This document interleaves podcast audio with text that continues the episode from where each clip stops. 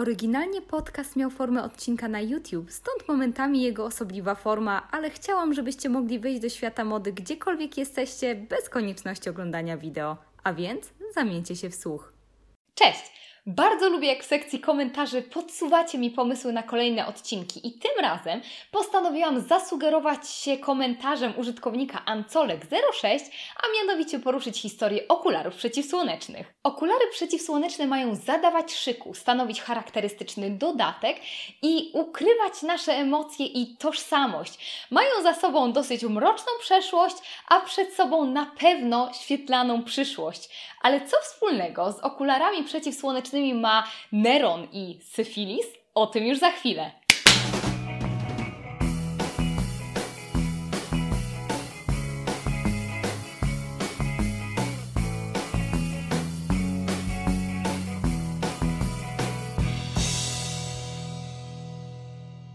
Zacznijmy może więc od najbardziej pierwotnej formy ochrony oczu, a więc od prekursora okularów, a mianowicie od kości wielorybów używanych przez Inuitów, gdzie po środku był pozostawiony mały pasek, taka szpara, która mm, miała za zadanie chronić oczy przed śniegiem odbijającym promienie słoneczne. I choć nie jest to jednoznacznie sprawdzona informacja, podobno cesarz Neron używał oszlifowanych szmaragdów, które przykładał do oczu, aby w pełnym słońcu delektować się makabrą podczas walk gladiatorów.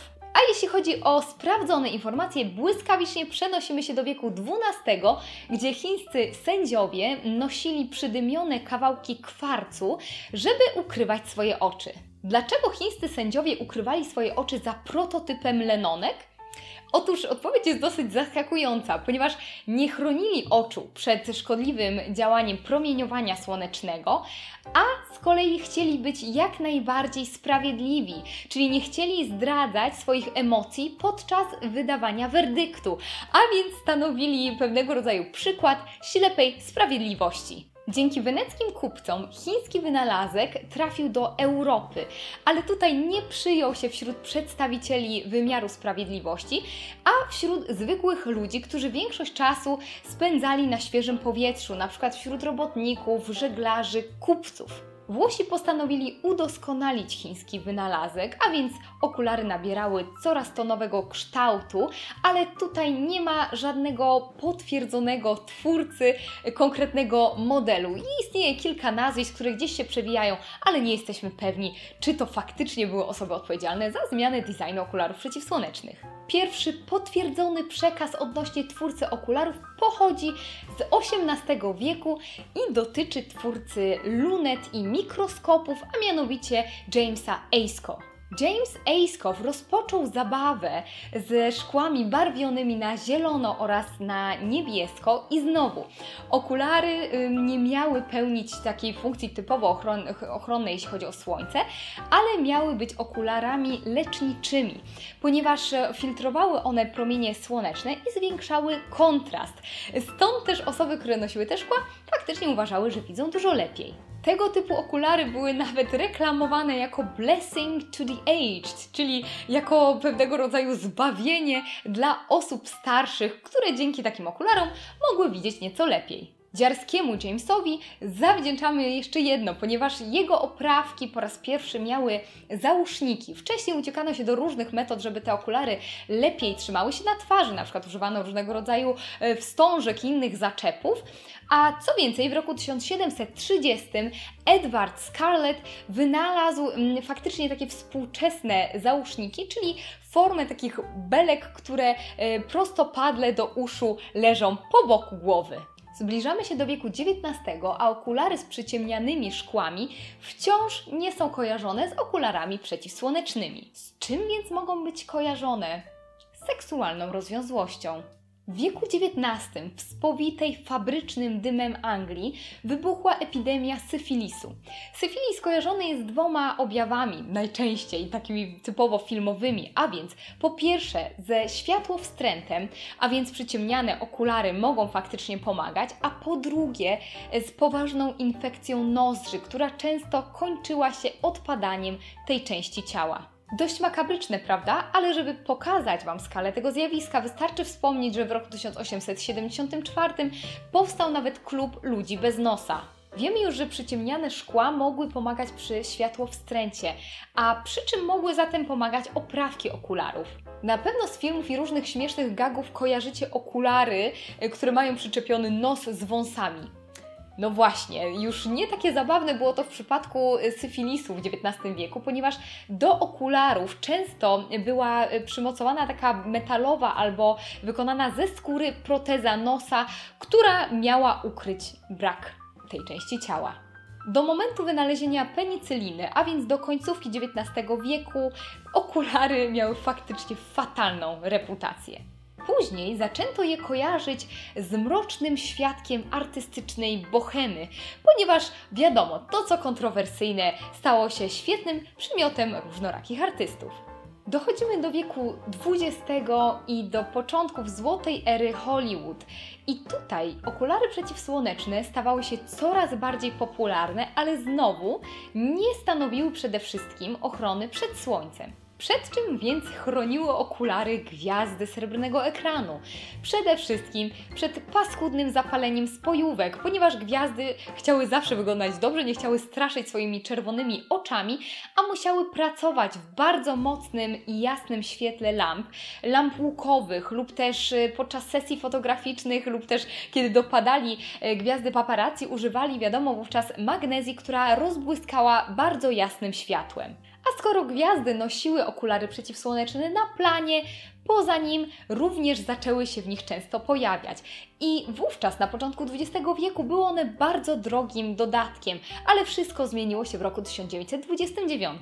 Firma Foster Grant jako pierwsza rozpoczęła masową produkcję okularów i powoli wchodziły one już do codziennego użytku, pojawiały się na plażach, na ulicach i stały się po prostu modnym dodatkiem. Wiadomym jest, że militarny świat chłonie wszelkiego rodzaju nowinki jak gąbka i zatem w roku 1936 Departament Obrony Stanów Zjednoczonych postanowił zlecić optykom z firmy Bausch Lomb wyprodukowanie soczewek, wyprodukowanie szkieł, które chroniłyby oczy przed refleksami. Bazując na wynalazku Edwina Landa, który zresztą później założył firmę Polaroid, doskonale wszystkim znaną, stworzono pierwsze szkła polaryzacyjne, które miały chronić w szczególności pilotów przed bólami głowy i chorobą wysokościową. W ten sposób powstały pierwsze na świecie okulary chroniące oczy przed promieniami ultrafioletowymi. I wiadomo, że mówimy tutaj o początkach firmy Ray-Ban, ale cii, nie powiem teraz ani słowa więcej, bo tej firmie i ich kultowym modelom poświęcę kolejny odcinek. Od lat 40. możemy mówić o boomie na okulary przeciwsłoneczne, czyli tutaj już faktycznie stały się elementem popkulturowym. E, każda szanująca się gwiazda i każda osoba, która chciała być modna, posiadała po kilka par okularów przeciwsłonecznych. Oczywiście okulary były czymś więcej niż tylko dodatkiem. Były wyrazem pewnego rodzaju buntu, nonszalancji, były często kojarzone właśnie ze światem artystycznym, z osobami, które nie chciały pokazać swojej twarzy w świetle dziennym, a więc często były wiązane z różnego rodzaju bohaterami filmowymi i różnymi ruchami kontrkulturowymi, na przykład mowa tutaj o bitnikach. Pamiętacie lata 20. i początki masowej produkcji okularów przeciwsłonecznych, prawda? No właśnie, w latach 60. firma Fossilgrand znowu y, wyszła na światło dzienne poprzez zaangażowanie bardzo dużej ilości gwiazd do kampanii promocyjnych. I niemal kultowym hasłem stało się ich hasło reklamowe, kto kryje się za okularami Foster Grant. Czyli tutaj znowu mowa o tym, że kryje się za okularami jakaś tajemnicza i godna zainteresowania postać. Lata 70. i lata 80. to znowu setki nowych marek. Każdy szanujący się do mody wypuszczał linię okularów przeciwsłonecznych i tak naprawdę ochrona oczu przed szkodliwym działaniem słońca stała się poważną i potężną gałęzią przemysłu powstawały setki kolejnych, coraz to bardziej wymyślnych modeli okularów. E, okulary luksusowe stawały się coraz droższe, ale z drugiej strony pojawiały się okulary tanie, dostępne dla każdego, o często niestety wątpliwej jakości szkłach. Nowinki technologiczne oczywiście miały również odbicie w okularach przeciwsłonecznych, a więc na przykład w latach 90. pojawiły się oprawki z włókna węglowego, nieścierające się szkła, a także na przykład e, możliwość odtwarzania MP3 poprzez okulary, czyli tutaj e, prym wiodła firma Oakley. Na przestrzeni lat można by wyłonić setki okularów, które stały się kultowe dzięki popkulturowym postaciom, ale pozwólcie, że wybiorę jedynie pięć, a całą resztę dopiszcie sobie sami. Numer 1. Okulary, które nosiła Audrey Hepburn grająca Holly Golightly w filmie Śniadanie u Tiffany'ego. Co ciekawe, utarło się, że Hepburn w tym filmie nosi Ray-Bany. I być może dla niektórych e, ten model nawiązuje nieco do Ray-Banowskich, ale są to okulary firmy Oliver Goldsmith, dokładnie model Manhattan. Są to duże, ciemne okulary w rogowych oprawkach, typowo gwiazdorskie przez swój rozmiar, e, które są zaokrąglone na dole, ale idą też nieco u góry, a więc mają taki mm, ciekawy koci kształt, ale nie są bardzo ostre w swojej formie, jak na przykład okulary z lat 50. Numer dwa jeśli jesteśmy już przy dużych oprawkach, nie można nie wspomnieć o Jackie Kennedy, a więc o jej ogromnych okularach od Niny Ricci. E, Jackie jest często kojarzona z bardzo dużymi, ciemnymi okularami. Sama mówiła, że była od nich uzależniona i zawsze trzymała kosz pełen okularów na korytarzu, żeby złapać któreś przed wyjściem i przyglądać się światu, będąc niezauważoną. Te charakterystyczne okulary są typowym przedstawicielem stylu lat 70. w takiej swojej nieco zabawnej, funkowej formie.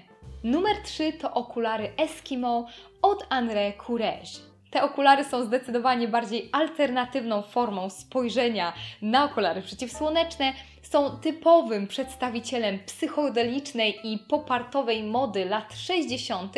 i co więcej nawiązują do inuickich modeli okularów wykonanych z kości. Numer 4. Okulary Persol model 714. Jeden z moich ukochanych modeli okularów unieśmiertelniony przez Steve'a McQueena w filmie Afera Thomasa Crowna. Jest to dla mnie taki typowo męski, buntowniczy model okularów, bezpośrednio kojarzący się z latami 60. i właśnie ze stylem McQueena, czyli z dobrze skrojonym garniturem, z twardzielem, który świetnie prezentuje się na ekranie, a co więcej, przenosi tę modę na ulicę. Numer 5 to okulary kultowe dla lat 90. i znalazły się tutaj dlatego, że przeżywają swój renesans. Mówimy tutaj o okularach Christiana Rota noszonych przez Kurta Cobaina. Okulary w kształcie odwróconej ósemki, białe oprawki, czarne szkła, kojarzące się nieco z modelami z lat 60., trochę nawiązujące do modeli kocich okularów, które są nieco cukierkowe, ale właśnie przez to, że nosił je Cobain, kojarzone typowo z rock'n'rollem. To tyle, jeśli chodzi o tę krótką historię okularów przeciwsłonecznych. Jestem bardzo ciekawa, czy macie swoje ulubione modele i czy byliście świadomi, że okulary były kojarzone z odpadającym nosem. A przy okazji serdecznie polecam serial Denik, gdzie właśnie przewija się motyw kobiety chorej na syfilis. Jeśli podobał Ci się ten odcinek, zostaw kciuka w górę i zasubskrybuj kanał, żeby już zawsze być na bieżąco z nowymi filmami. I co więcej, zapraszam Cię na mojego Instagrama, gdzie nieco częściej daję znać, co u mnie słychać. Do zobaczenia przy okazji kolejnych odcinków Freakery.